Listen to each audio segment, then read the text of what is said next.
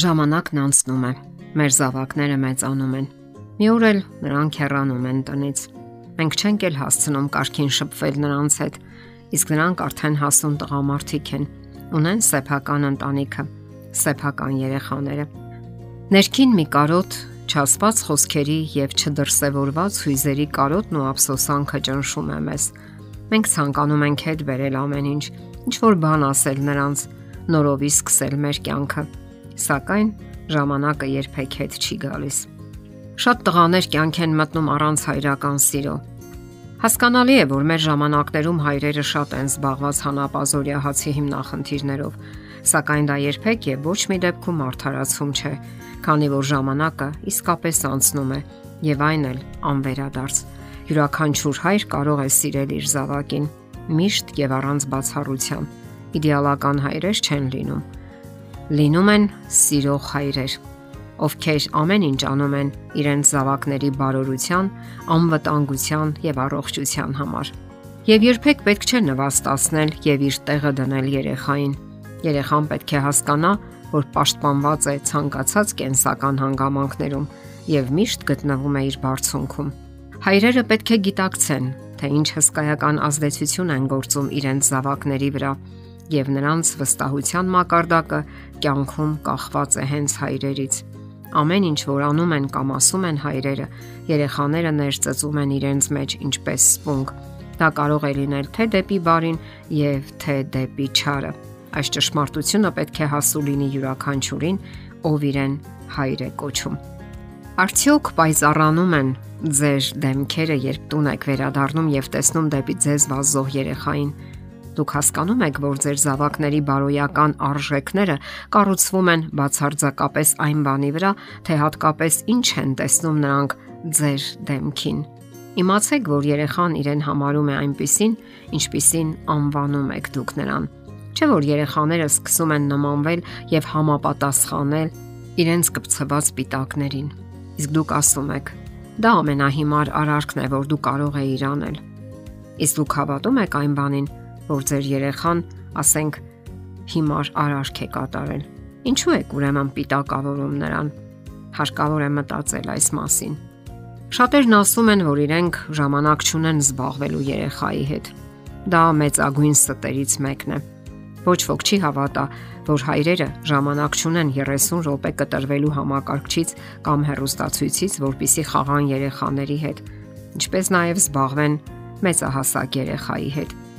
Մանկական վստահությունը ծնողների հանդեպ կախված է նաև այն բանից, թե որքան են խաղում հայրերը երեխաների հետ եւ որքանով են ներգրավված իրենց զավակների խաղային գործընթացին։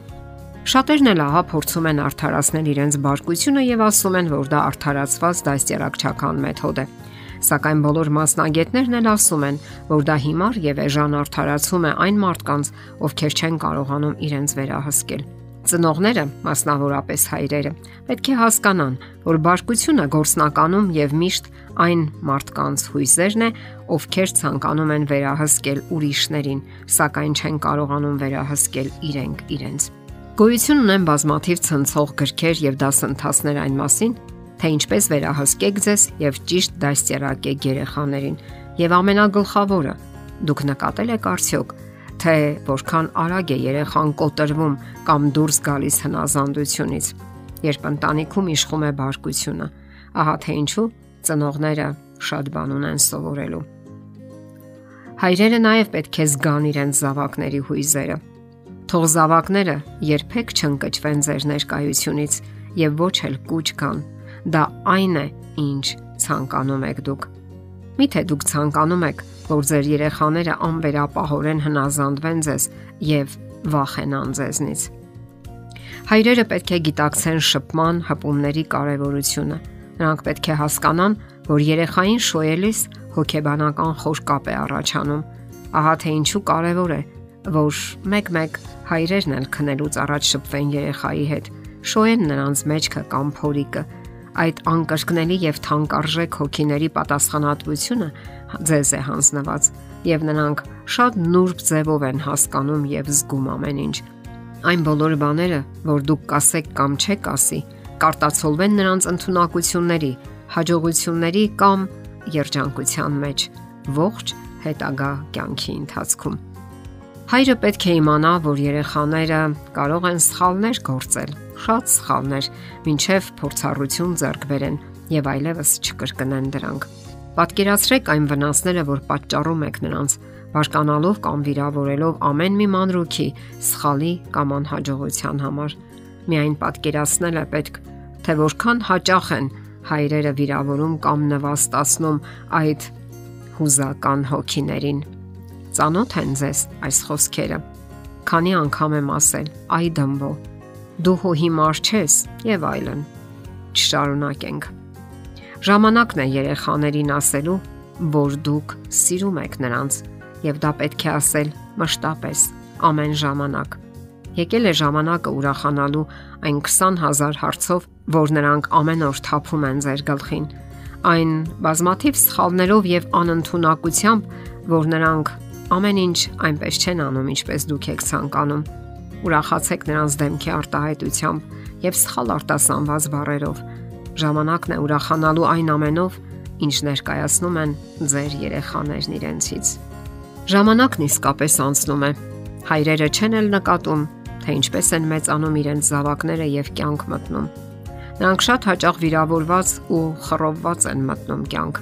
Նրանք իրենց հետ կյանք են տանում հայրական, վիրավորական ու նվաստացուցիչ բառերն ու խոսքերը, չարտասանված խոսքերը։ Հայրերը պետք է գրկեն իրենց զավակներին, երբ նրանք դեռևս փոքրիկ են, երբ մեծանում են եւ երբ հասունանում են երբ կյանք են մտնում։ Նրանք միշտ են մնալու ձեր երեխաները։ Արեք այնպես, որ երբեք չափսոսակ այն լավագույն տարիների համար, երբ կարող էիք սիրել նրանց, գրկել եւ ուրախանալ նրանց հետ, գրկել եւ ուրախանալ հենց միայն նրանց ներկայությամբ։ Եվ այդ ժամանակը հիմա է։ Եթերում է ընտանիք հաղորդաշարը հարցերի եւ առաջարկությունների համար զանգահարել 033 87 87 87 հեռախոսահամարով։